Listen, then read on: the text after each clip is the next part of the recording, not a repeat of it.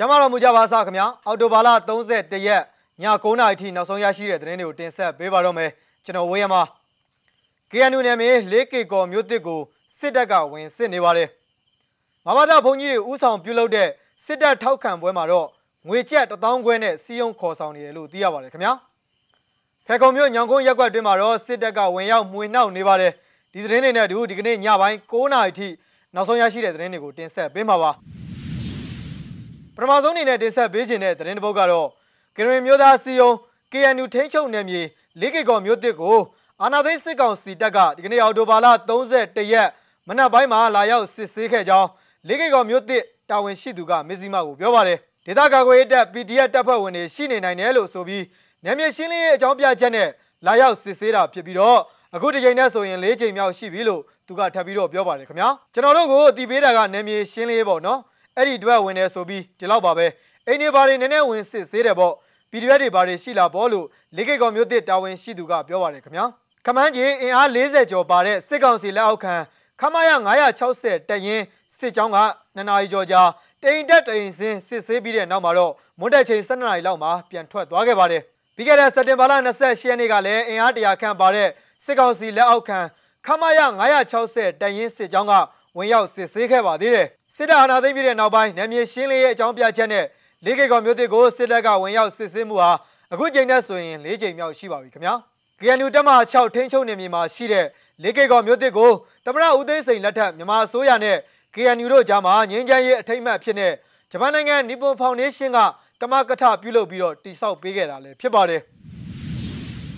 နောက်ထပ်သတင်းတစ်ပုဒ်အနေနဲ့ပဲခူးတိုင်းဒေသကြီးအနောက်ချမ်းတရားဝတီမြို့နယ်မှာမဘာသာဘုံကြီးချို့ဦးဆောင်ပြီးတော့ စစ်တပ်ထောက်ခံပွဲကိုပြုလုပ်ကြရမှာအဲ့ဒီထောက်ခံပွဲကိုလိုက်ပါလာသူတိုင်းငွေကျပ်1000ခွဲရရှိတယ်လို့လိုက်ပါလာသူတွေထံကသိရပါတယ်ခင်ဗျာဒီကနေ့အော်တိုဘာလ31ရက်နေ့မနက်ပိုင်း9နာရီဝန်းကျင်လောက်မှာလောကနန္ဒာဖျားရှိကနေစတင်ပြီးတရားဝတီခရိုင်ဘောလုံးဝင်းကိုစစ်တပ်ထောက်ခံသူအင်အား200ကျော်နဲ့လမ်းလျှောက်ချီတက်ခဲ့ပြီးတော့ဟောပြောပွဲတွေပြုလုပ်ခဲ့ပါတယ်ရွာကိုကားနဲ့လိုက်ခေါ်တာလေ1000ခွဲရမယ်ဆိုတော့လိုက်လာတာအိမ်က၄ယောက်ပါတယ်လောလောဆယ်အလုံးမရှိတဲ့အချိန်ဆိုတော့အဆင်ပြေတယ်လို့ ထောက်ခံပွဲကိုလိုက်ပါလာသူအမျိုးသားတဦးကပြောပါတယ်ဒီကနေ့စစ်တပ်ထောက်ခံပွဲကိုတာယာဝတီလက်ဗရန်နဲ့မင်းလာမျိုးတွေကစုပေါင်းပြုလုပ်တာဖြစ်ပြီးတော့ပါဝင်သူချုပ်ကတော့နေမြေခံစစ်တပ်ကမိသားစုဝင်တွေဖြစ်ကြောင်းသိရပါတယ်ခင်ဗျာညွှန်ကြားချက်နဲ့လာတာဗျစစ်တပ်ထောက်ခံပွဲကိုလူများများနဲ့လုပ်ရမယ်ဆိုပြီးတော့တာယာဝတီမြို့မှာကငွေနဲ့စီးယုံတာတော့မလိုက်ကြလို့တခြားမြို့ကခေါ်ရတယ်ခလာရ1နဲ့35တဲ့ကလူတွေအင်အားဖြည့်လိုက်ရတယ်လို့လုံခြုံရေးရမြင်ဖော်လို့တဲ့စစ်တပ်နဲ့နှိစက်သူတူကပြောပြပါတယ်ခင်ဗျာ နောက်ထပ်သတင်းတစ်ပုဒ်အနေနဲ့ဒီကနေ့အော်တိုဘာလ31ရက်ညနေ4နာရီချိန်လောက်မှာဖဲခုံမြို့ညောင်ကုန်းရက်ကွက်အတွင်းမှာစစ်ကောင်စီအင်အား90လောက်ကပြည်သူတွေရဲ့နေအိမ်တွေကိုဖျက်ဆီးတာတွေပြုလုပ်နေတယ်လို့သိရပါတယ်ခင်ဗျာပစ္စည်းတွေကိုတင်ယူတာတွေရက်ကွက်နေပြည်သူတွေကိုတနက်နဲ့ချိန်ရွယ်တာတွေဝလျမောက်ခိုင်းပြီးတော့စစ်ဆေးတာတွေ PDF နာမည်တက်ပြီးတော့ဖမ်းဆီးတာတွေပြုလုပ်နေပါတယ်လို့ဒေသခံတူကပြောပါတယ်ခင်ဗျာတတလောရရှိလာတဲ့သတင်းတွေအရညောင်ကုန်းတိရက်ကွက်ကတအူးနဲ့ညောင်ကုန်းသုံးရက်ကွက်ကပြည်သူ၃ဦးတို့ကိုစစ်ကောင်စီကဖမ်းဆီးသွားကြောင်း ဒေသသတင်းရင်းမြစ်တစ်ခုအရသိရပါတယ်ခင်ဗျာ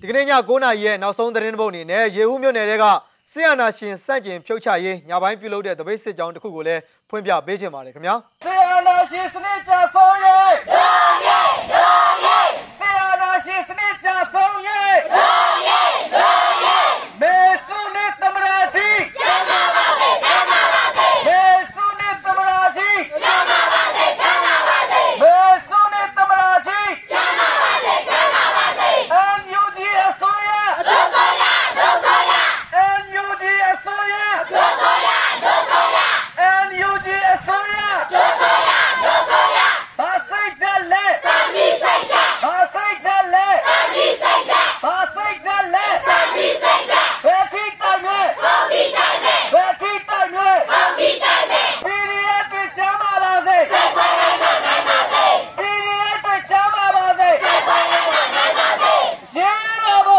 အာမေဘီအာမေဘီအာကိုအာမေဘီရေတော်ဘုအာမေဘီအာမေဘီအာကိုအာမေဘီရေတော်ဘုအာမေဘီအာမေဘီအာကိုအာမေဘီ အော်တိုဘာလ31ရက်ည9:00နာရီချိန်ထိနောက်ဆုံးရရှိခဲ့တဲ့သတင်းတွေကိုတင်ဆက်ပေးခဲ့တော့ပါမစ္စည်းမကိုစောင့်မျှော်ကြည့်ရှုနားဆင်ကြတဲ့ပြည်သက်အပေါင်းနဲ့မြန်မာပြည်သူပြည်သားအပေါင်း COVID-19 ကပ်ရောဂါကကင်းဝေးကစစ်အာဏာရှင်စနစ်ဆိုးလက်အောက်ကအများဆုံးလွတ်မြောက်ပါစေကြောင်းဆုမွန်ကောင်းတောင်းလိုက်ရပါတယ်ထူးခြားတဲ့သတင်းတွေနဲ့အတူကျွန်တော်တို့နောက်ရက်တွေမှာပြပြန်လည်ဆုံတွေ့ကြပါမယ်ခင်ဗျာ